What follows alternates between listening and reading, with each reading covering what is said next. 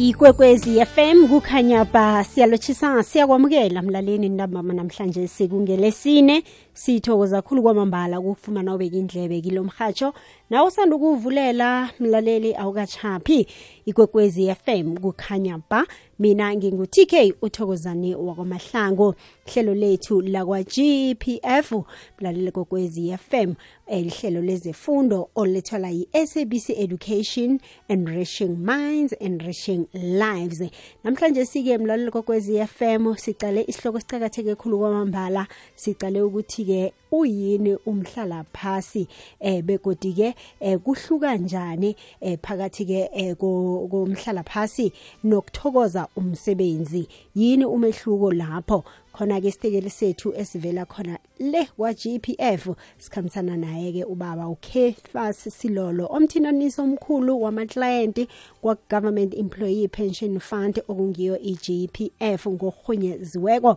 kuye ke mlaleli kokwezi FM ozasipha yonke ihlathululo ngesihloko sethu sanamhlanje si khumbuleke nawe ngokuhamba kwesikhathi siza kumukela usidosele umtato nange unombuzo ku-086 112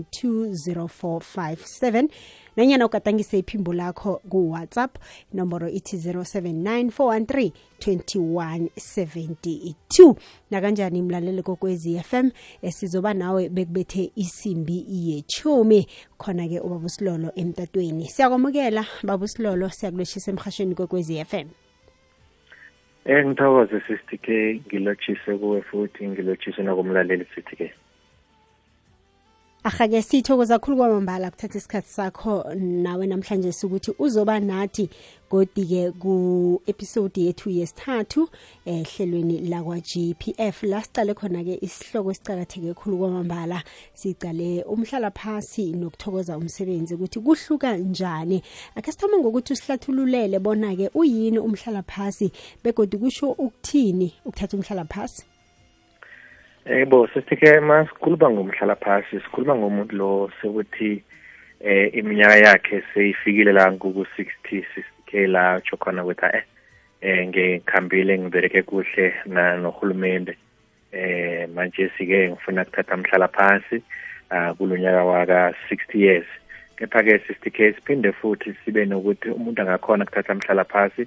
from age 55 to 59 ngilo sibiza ngokuthi i-early retirement ukuthatha mhlala phansi iminyaka yakho ingakahlangani kuhle i-60 years but uyakhona kuthatha umhlala phansi lapho-ko uyaqhubeka futhi ube yilunga laka-g p f ngobanyana-ke um ah, ma uthetha umhlala phansi sokunikela isamba iphinde sikuholele le imali esibiza ngokuthi iyenyanga noma i-monthly pension yaka-g e p f uma sowuthetha umhlala phansi Ahake iyazwakala. Ake sitholeke umehluko babu Silolo phakathi kwe eh resignation kanye ne normal retirement. Umuntu lo thatha umhlala phansi nolomuntu lo thokoza mm. umbereko sisitike ukuhluka kwakhona ngilokuthi lo thokozile umbereko mm. eh imali yakhe yempension sisitike simnikela yona yonke eh base simnikelile ayitholile le mali akaseseyilunga la ka GPF kusho ukuthi ngamanye amagama nimnikela isamba simnikela isamba simnikela isamba kuphela sisti ke mm. lesazokuhamba naso eh, bese-ke akasabi ilunga laka-g p f kusho ukuthi-ke lokhu kufana nama-funeral benefit nama-medical aid umuntu makathokoze umbereko akasawatholi akasawakhwalifayeli akasafani nalo muntu lo uthethe imhlala phasi Mhm. Ngimiphi ke eminye imihlobo yomhlala phasi eyamukelwa yi-GPF? Yeah, emhlalaphansi ka-JPF ihlukahlukile sister K. Hmm. Kunalo sikubiza ukuthi vele umhlalaphansi kuya ngomnyaka wakho waka 60. Hmm. Siphinde futhi sikhuluma ngomhlalaphansi lo esengochazile waka 55 to 59. Ngilo sobiza ukuthi uthatha umhlalaphansi isikhathi singakho singakafiki ngegama lesikhuwa sithi early retirement. phinde futhi sisithokozana um sithi ke sibe nalomhlala phansi lo subiza ngokuthi bathini i-health retirement ukuthi umuntu uthatha umhlala phansi ngenxa yokugula sister k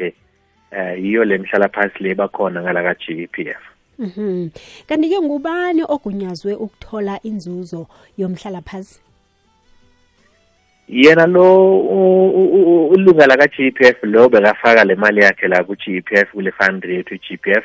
Eh nguye sister K umuntu makathi ngithatha umhlala phansi le mali vele lenywa nguye uyithola eh ibhekane naye ngathi ngale accountini yakhe sisike sokuthi vele mawuthethe lomhlala phansi kunela lesamba siphinda siyakholela lokuthi ukuthi mawukune-medical aid futhi sisitike siphinde futhi sikunikele ne-medical aid mawusowuthethe umhlala phansi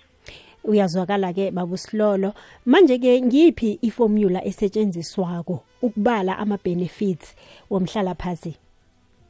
ya ma uthetha umhlalaphasi sithi eh singi-g p f siyokunikela i-one third le one third yona sikunikela njengesamba sixty k mm. eh bese nje kube nele sibiza ngokuthi i-two third le bathi i-monthly annuity le loyihola ngenyanga nenyanga iformula lesiyiberegisayo sithi ke ukucalculator lesihamba ngu-zero uh, ngu-six point seven two uh, times your final salary i-final salary sikhuluma ngomholo wakho ohlanganisa iy'nyanga ezingu-24 siphinde futhi sibuke si, ne i-service period lesikhathi leso siberegile nomcashi no wakho yizo lezi sisibukayo mase sibala nje i-annuity uh, eh, it's one over 55 percent times your final salary futhi futhi sifake nele sibiza ngokuthi i-service period so mm. i-calculation yale yale yale mhlala phansi ngiyo ime ngale ndlela sithi ke but lokuqakatheke khulu ukuthi umuntu kumele azi ukuthi makathatha umhlala phansi simnikela isamba le yenyanga uzoyihola eh, every month 60k and lokuhle futhi ukuthi mm. le imali yakho loyihola ngenyanga nenyanga sibiza ukuthi it's a life long benefit mm. lokuchaza ukuthi ma imembera ka-g e p f ichubeka iphila ingi-GEPF siyachubeka siyabhadala lokuthi ayimi le mali sisithikeni noma umuntu uyawahlanganisa u-hundred years ngoba sinayo i-pensionara ka-GEPF ena-hundred and four years kusukela mm. simnikela le monthly pension sisike mm. forty years ago so imali ka-GEPF yomhlala phansi yihle khulu ngoba iyachubeka ayimi iyazwakala manje mm. kufanele ngithole imvumo evela kumqashi wami ebona eh, ke ngithome ukuthatha umhlala phasi Uh, umhlala phansi awuzufuthi udinge nemvumo sisithike nomqatshi mm. uzokukhumbuza ngoba lapha kulama computer abo kuzotsho ukuthi eh wena sowuzomhlanganisa u6 mm. eh mase sifikile lesikhathi umqatshi uzokubiza athi eh isikhathi sakho sokuretire sesifikile sesicela ukuthi ucaliseke ke ufake ama form kokulothola le pension yakho kepha-ke sithi-ke ngiphinde ngingeze ngokuthi eh, um phansi hmm. umqatshi uyakhona ukuthi e-e wena njengoba ufikile sixty kule sikhathi sokurithayara kepha-ke thina sithi ungachubeka ubereke up sixty-five sokuthathisa phansi nge-65 so wena uzovumelana nomqatshi wakho ukuthi wena ufuna kuchubeka ubereke noma ufuna kuthatha lo mhlalaphansi ngo-60 na but mawusesfikile ngimhlaka mawle ngesikhathi lezo uzohlanganisa u 60 years umqatshi uyakubiza agcwalisise amaforomu awathumele ngalanga ku-g p f uyazwakala baba usilolo njenganje ngiba wasiye ngentolo siyokuthengisa sizokubuya kodwa sihlabele phambili uhlaga ukufaka isibawu senzuzo yomhlalaphasi nanyana wazi umuntu ongakafaki ongazange athole imali yakhe begodu ofuna isizo ngekambiso yokwenza isibawo ufuna ilwazi elingeneleleko ngenzuzo yepentshini nokuthi usifaka bunjani isibawo uyathaga ukusebenzisa i-self-service application nanyana unetshisakalo yokuthola ilwazi elingeneleleko nge-gepf ungathwenyeki sinawe lalela ihlelo lakho le-civic education lapha kukwekwezi fm ukufunda ngokunabileko i-gepf ibambisene ne-sabc ukufundisa nokwazisa abalaleli amalunga amapentshina kanye nabazuzako ikambiso yokwenza isibawo nelinye ilwazi elimayelana ne-gepf bewazi bona i-gepf isikhungo semali esingesikhulu ekontinentini ye-afrika yokana iqinile ngokwemali begodu inzinzile okwanje inemali engange-2.9 trillion yamaranta kunenzuzo engakathathwa nengakabhadelwa esesesesikhwameni se-gepf begodwa i-gepf izibophelele ukuthola abanikazi beyibabhatele inengi lizokuthabela ukwazi bona inzuzo yomhlalaphasi igunyazwe mthetho amalunga azokuthola inzuzo yabo kukuhle nanyana kukumbi ngesikhathi sobuhle nanyana sobudisi lalela ihlelo le-civic education kukwekwezi fm qobe veke ngelesine ukusukela ngo-half past 9 ukufikela ngo-10 ukufunda ngokunabileko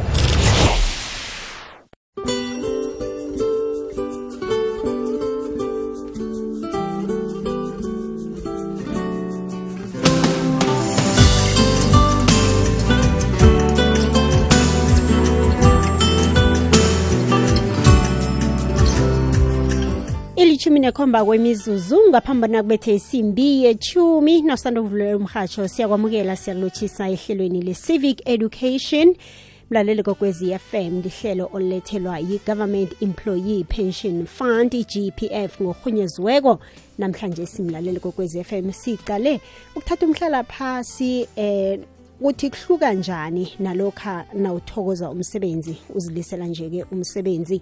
khona-ke ubaba usilolo ovela kwa-gps FE nguye ke osilethela yonke ihlathululo mayelana nesihloko sethu sanamhlanje si ngosilolo thokoze khulu kwamambala ukungibambela asiragele phambili njalo ke ke sithole ukuthi ingahani mhlambe inhlabakelo nanyana ama documents afunekako lokha umuntu nakathatha umhlala phasi nanyana ilunga lakwa GEPF nasele lifuna ukuthatha umhlala phasi eh ngimapi begodi atholakala kuphi yebo sithi ke amaforomo la akumele umuntu awagcwalise atholakala kumcatshi la acatsheke khona khona e, vele ukuthi ma uya lapha ku-HR soba uba ubatshela ukuthi souyakhapha nje bazokunikela amaforomu la aqakathekileyo and then wonke la maforomu asowagcwalisile 60 k asala khona futhi lapho kumcashi so akuhlukahlukile la maforomu eh siba nelform lelicakatheke khulu lesilibiza ngokuthi i-choice form kula mm. khona khona umuntu atsho khona ukuthi mangiphuma nje sinje ngiyiphi i-choice lengiyifunayo ukuthi masenibhatala le pension yami ningibhathale ngayo ngiyo nje iform licatheke khulu siphinde ngese sikhulume ngeliforum esibizwa ngokuthi i-Z894 leli forum laka Z894 ile lasebhenki sesithi ke umuntu uma mnikele leli form utshinga ngasebhenki bamgcwalisele lona alibuyisele futhi ngala kumcashi ukuthi bawafake la maforum ayaze ngala ku-g p f ahake ungakhe usihlathululele-ke babusilolo bona-ke eh ukuthokoza umsebenzi kumthinda kangangani nanyana kumthinda njani umlingane eh waloyo othatha umhlala phasi yebo sefuthi-ke ukhumbule ngitsho ngithi umuntu makathokoze um, umbereko mm. loko kuhlukile nokuthatha umhlala phansi ngoba mm. mawuthokoza umbereko awuthokozi nje umbereko nangalakakwe g e p f bayakukhipha kule fund awusese imembara ye-pension fund yaka-g e p f lokutsho ukuthi-ke umuntu lo thokoza um, umbereko samnikela imali yakhe ma angatshona noma angatshonelwa umlingani wakhe akusakhoneki ukuthi bangabuya babuye ngalaka ku-g e p f afune ukuclaima i-funeral benefit noma-ke ispouse asisakhona ukuthola i-spouse benefit makuthi lo mlingani wakhe sekayadlula la emhlabeni aha-ke iyazwakala um kukhulunywa-ke um eh, nge-gratunity angazi ngilibiza kuhle na ne-annuity ingakhani zona-ke mm. ya bengisho ngithi graduate lesamba isamba sithi ke wo isamba and then i-annuity yona yilesi esikunikelana njenge ngomholo wenyanga ngomholo wenyanga nenyanga iyazwakala ke lapho eh, mhlambe ke eh, ihlangana njani ke iminyaka akanye ke eh, neminyaka yesikhathi osebenze ngaso kwa GPF khulukhulu isikhathi lesi sepentsheni eh thina sithingana ka GPF 50k umuntu makakhona la angekule fund ebese abereke isikhathi esingango 10 years Mm. makaseyathatha umhlalaphansi uyakhona ukuthi athole lesamba le-graduate athole lesamba phinde futhi simnikele lo mholo wenyanga nenyanga phela nje simakabereke 10 years mm. makaretire yebo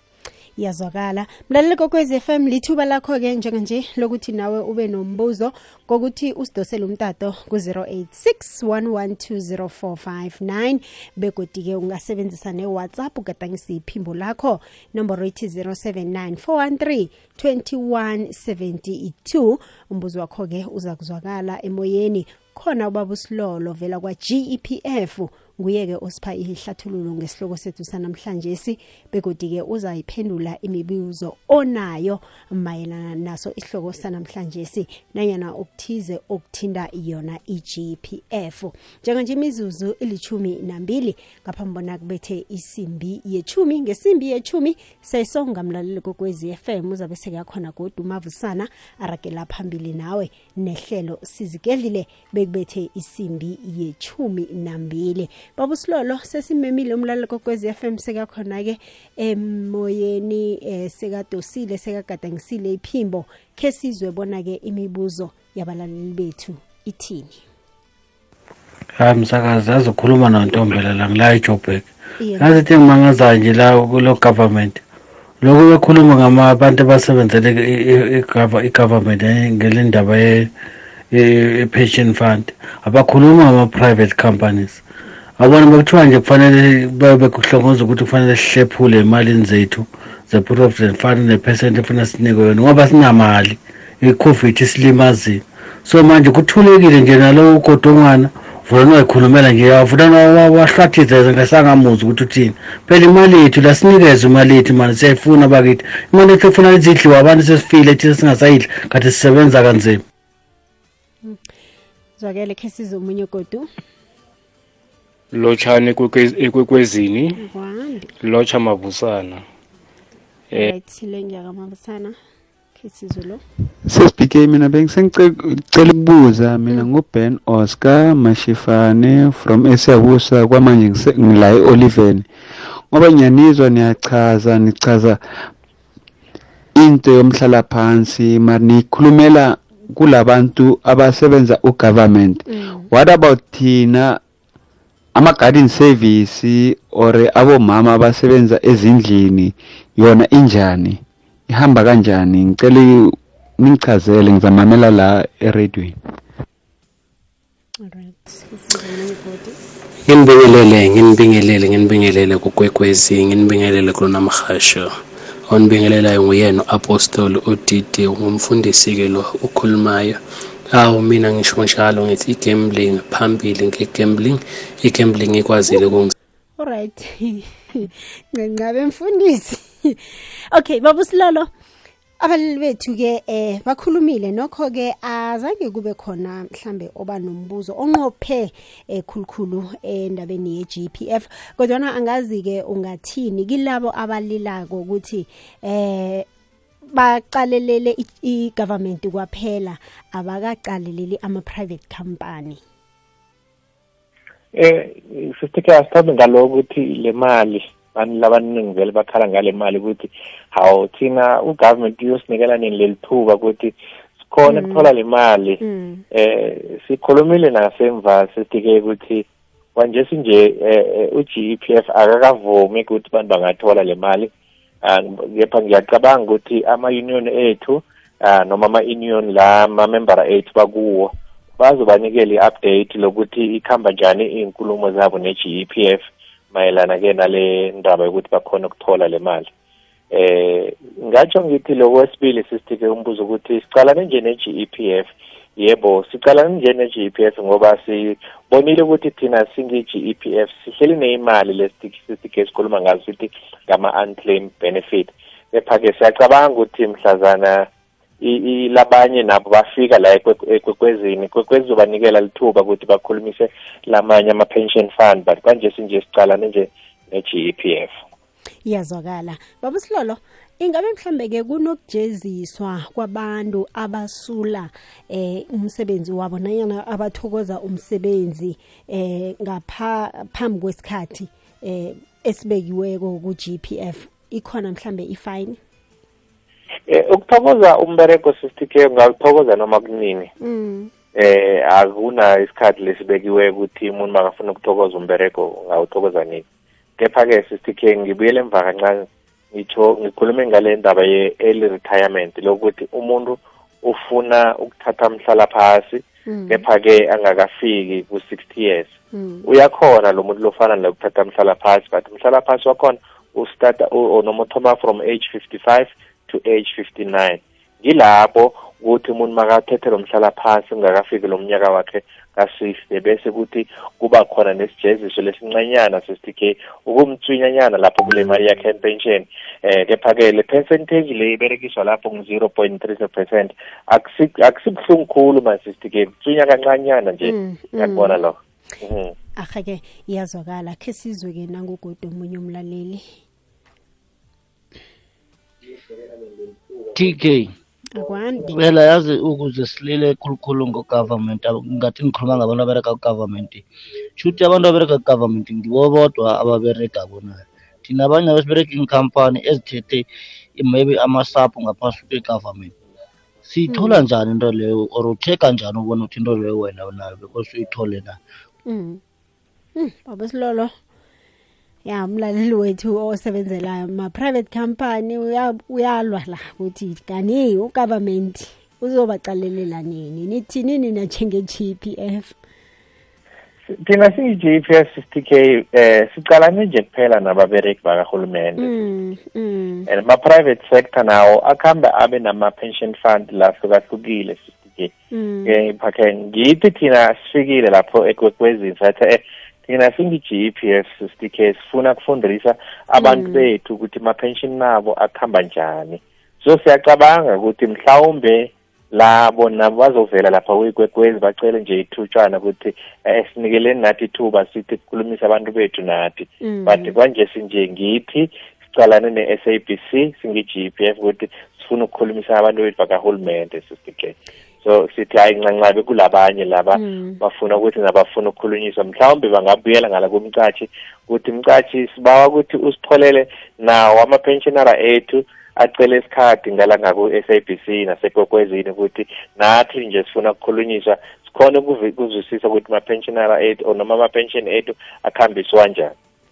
uyibeke iyazwakala babusilolo ngiyathemba ke mlaleli kokwezi FM uyizwisisile ukuthi ke ihlelo lethu licalele khulu amalunga we-GPF abasebenzi abasebenza ngaphasi kwakahulumende ubabusilolo akazuka nazo impendulo ezingakaphathelani namalunga we-GPF lapho ke sifuna ukuyibeka izwakale sincancabeze khulu ke nawo nangomunye obunombuzo kodwana ungasi yimember ye-GPF nanyana unganasihlobo nanyana umuntu omaziko okhe wasebenzela uhulumende ofuna ukumbuzela umbuzo ngiyathemba ukuthi izwakele-ke lapho sizoregela phambili-ke nawe mlalelo kokwezi FM lapha-ke ku-079 413 la khona ubuza khona umbuzo babusilolo ngaphambi bona-ke siregele phambili mhlambe-ke eh ngaphambi bona siragele phambili nomlaleli imibuzo yakhe ngiziphi mhlambe ezinye izinto ekumele zitshejwe khulu um eh, ngaphambi bona ke um abantu bathathe umhlalaphasi yebo sister K eh, um ubuzo omuhle khulu um siyabawa ukuthi sister K ngaphambi ukuthi ungathatha umhlalaphasi phansi bese uthi uyakhamba mm. singakalapha ku-HR ubuke ukuthi eh isikhathi le wena osazi ukuthi wacatsheka ngaso eh lesesikhona lesizazi nguwe nalesesine GPS ilesikhathi leso mhlawumbe siyakhambisana noma kanjani lokusho ukuthi masingakhambisani sibawa ukuthi ulungise ngaphambi ukuthi uphume eh i-GPF uthi ungakhona ukuzilungiselela umhlala phansi wakho 6 months isikhathi sakho sokuthatha umhlala phansi singakafiki lokusho ukuthi ke mhlawumbe wena ngoDisemba 2022 ufuna kuphuma ungakhona ukucala ukufaka amaforomo ngoJune eh ngonyaka ka2022 ukuthi ubone ukuthi inkambiso yakho yamaforomo ikhamba kuhle nokuthi maso ufikile lo December manje sinje ethi January le mali yakho iyangena so siyabawa ukuthi bantu bethu eh mawubona ukuthi eh ngathi lapha mina lesikhathi ngingaqala kubereka ngaso nalesa singalanga ku-G_P_F asikhambisani kuhle eh silungise ongime ngalanga ku-G_P_F silungise futhi nalabo umcashi wakho ukuthi mase sithola amaforomo sikunikele imali yakho kuhle nangesikhathi sakho leso wena osaziyo ahake iyazwakala sirakele phambili-ke nokulalela amaphimbo lotsha tk ukhuluma nothandeka mahlango ikwaha mina tk ngiye ngahlola emagameni lawa ubaba mbeki asebenza embusweni so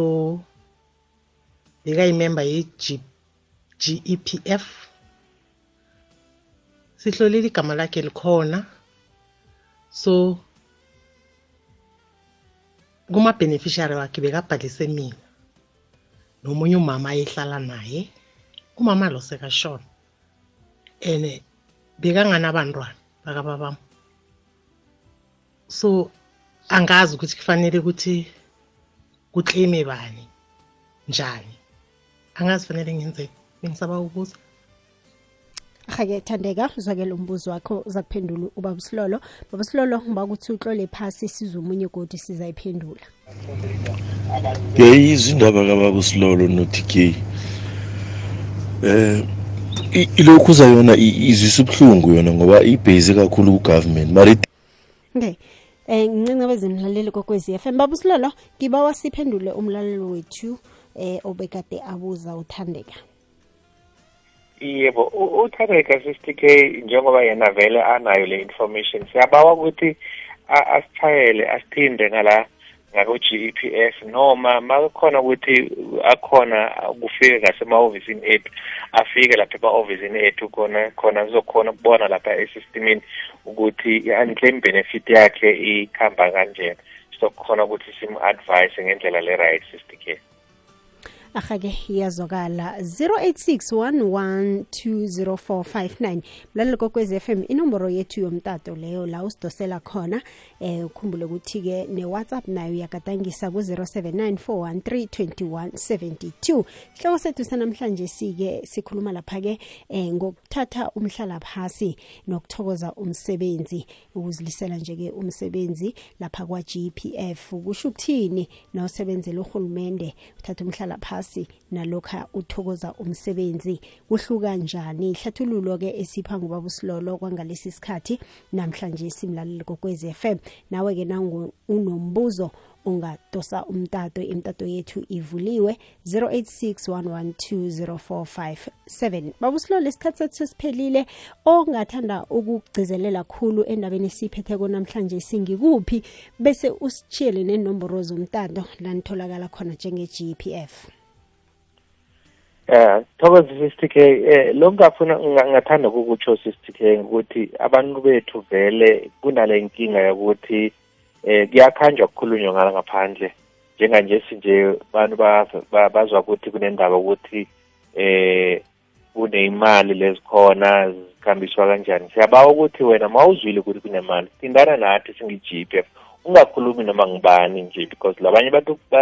bazokunikela information le-wrong so thingana nathi sokukhona ukuthi nathi sisike sibuke lapha emakhompyutereni ethu sikutshele ukuthi um le mali ikhona iclainywa kanjani futhi so siyabawa ukuthi bantu bavakatshele ama-ofisi ethu noma basithinte sizokhona ukuthi sibahelebhe ngendlela le-right sithi-ke ahake iyazwakala inomoro zomtato la nitholakala khona iyatholakala sithi-ke ku-zero eight zero zero one one seven 669 inomboro ngiyiphinde futhi ku-0800 117 669 noma mangazibhalela i-email i-email yethu ithi inquiries at gepf gov za inquiries at gepf gov z a yokuthi bakhona ukuthola uhelebho eh, eh, eh, elikahle lapho sesikeni ahake sithokoze khulu kwamambala ihlathululo yoke osiphe yona babusilolo ube nobusuku obuhle thokoze aha-ke mlalelo kwekwez f m khumbula-ke bona i-gepf inama-regional client service center kizo zolithoba imfunda zesola africa eh, kanye nama-satellite office alikhomba enzelwe intingo zakho mlaleli kanti-ke ukuthola ilwazi elingeneleleko eh, i-gpf inenomboro zomtato azijhileko-ke ubaba silolo zithi zona 0800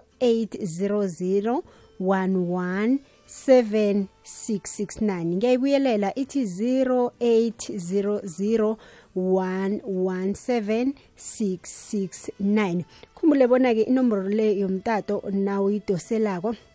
isimahla komunye nomunye ke umtato we-telcom ungathumela ke ne-email yabo eh, ku inquiries at gpf co za nanyana ubavakatshele ku-gpf iwebsayithi yabo ithi www gpf co za itwitter handle ye-gpf ithi yona at gepf underscore sa mlaleli kokwezi FM sithokoze khulu kwamambala kubeka kwakho indlebe ehlelweni lethu lanamhlanje si hlangana nami ke godu iveke ezako ngomvulo ehlelweni nomthombo welwazi ngelesine godu ngibuye kilo leli hlelo i-civic education sikulethele i-episode yethu yesine yehlelo lakwa-gpf ibizo lami nginguthokozani induli namgwezani khona umavusana bekubethe isimbi yechumi nambili mina khambile ihlelweli bewulethelwa labuhle yi-gepf ipentsheni yabasebenzi bombuso ne-sabc education ngokubambisana nekwekwezi yefm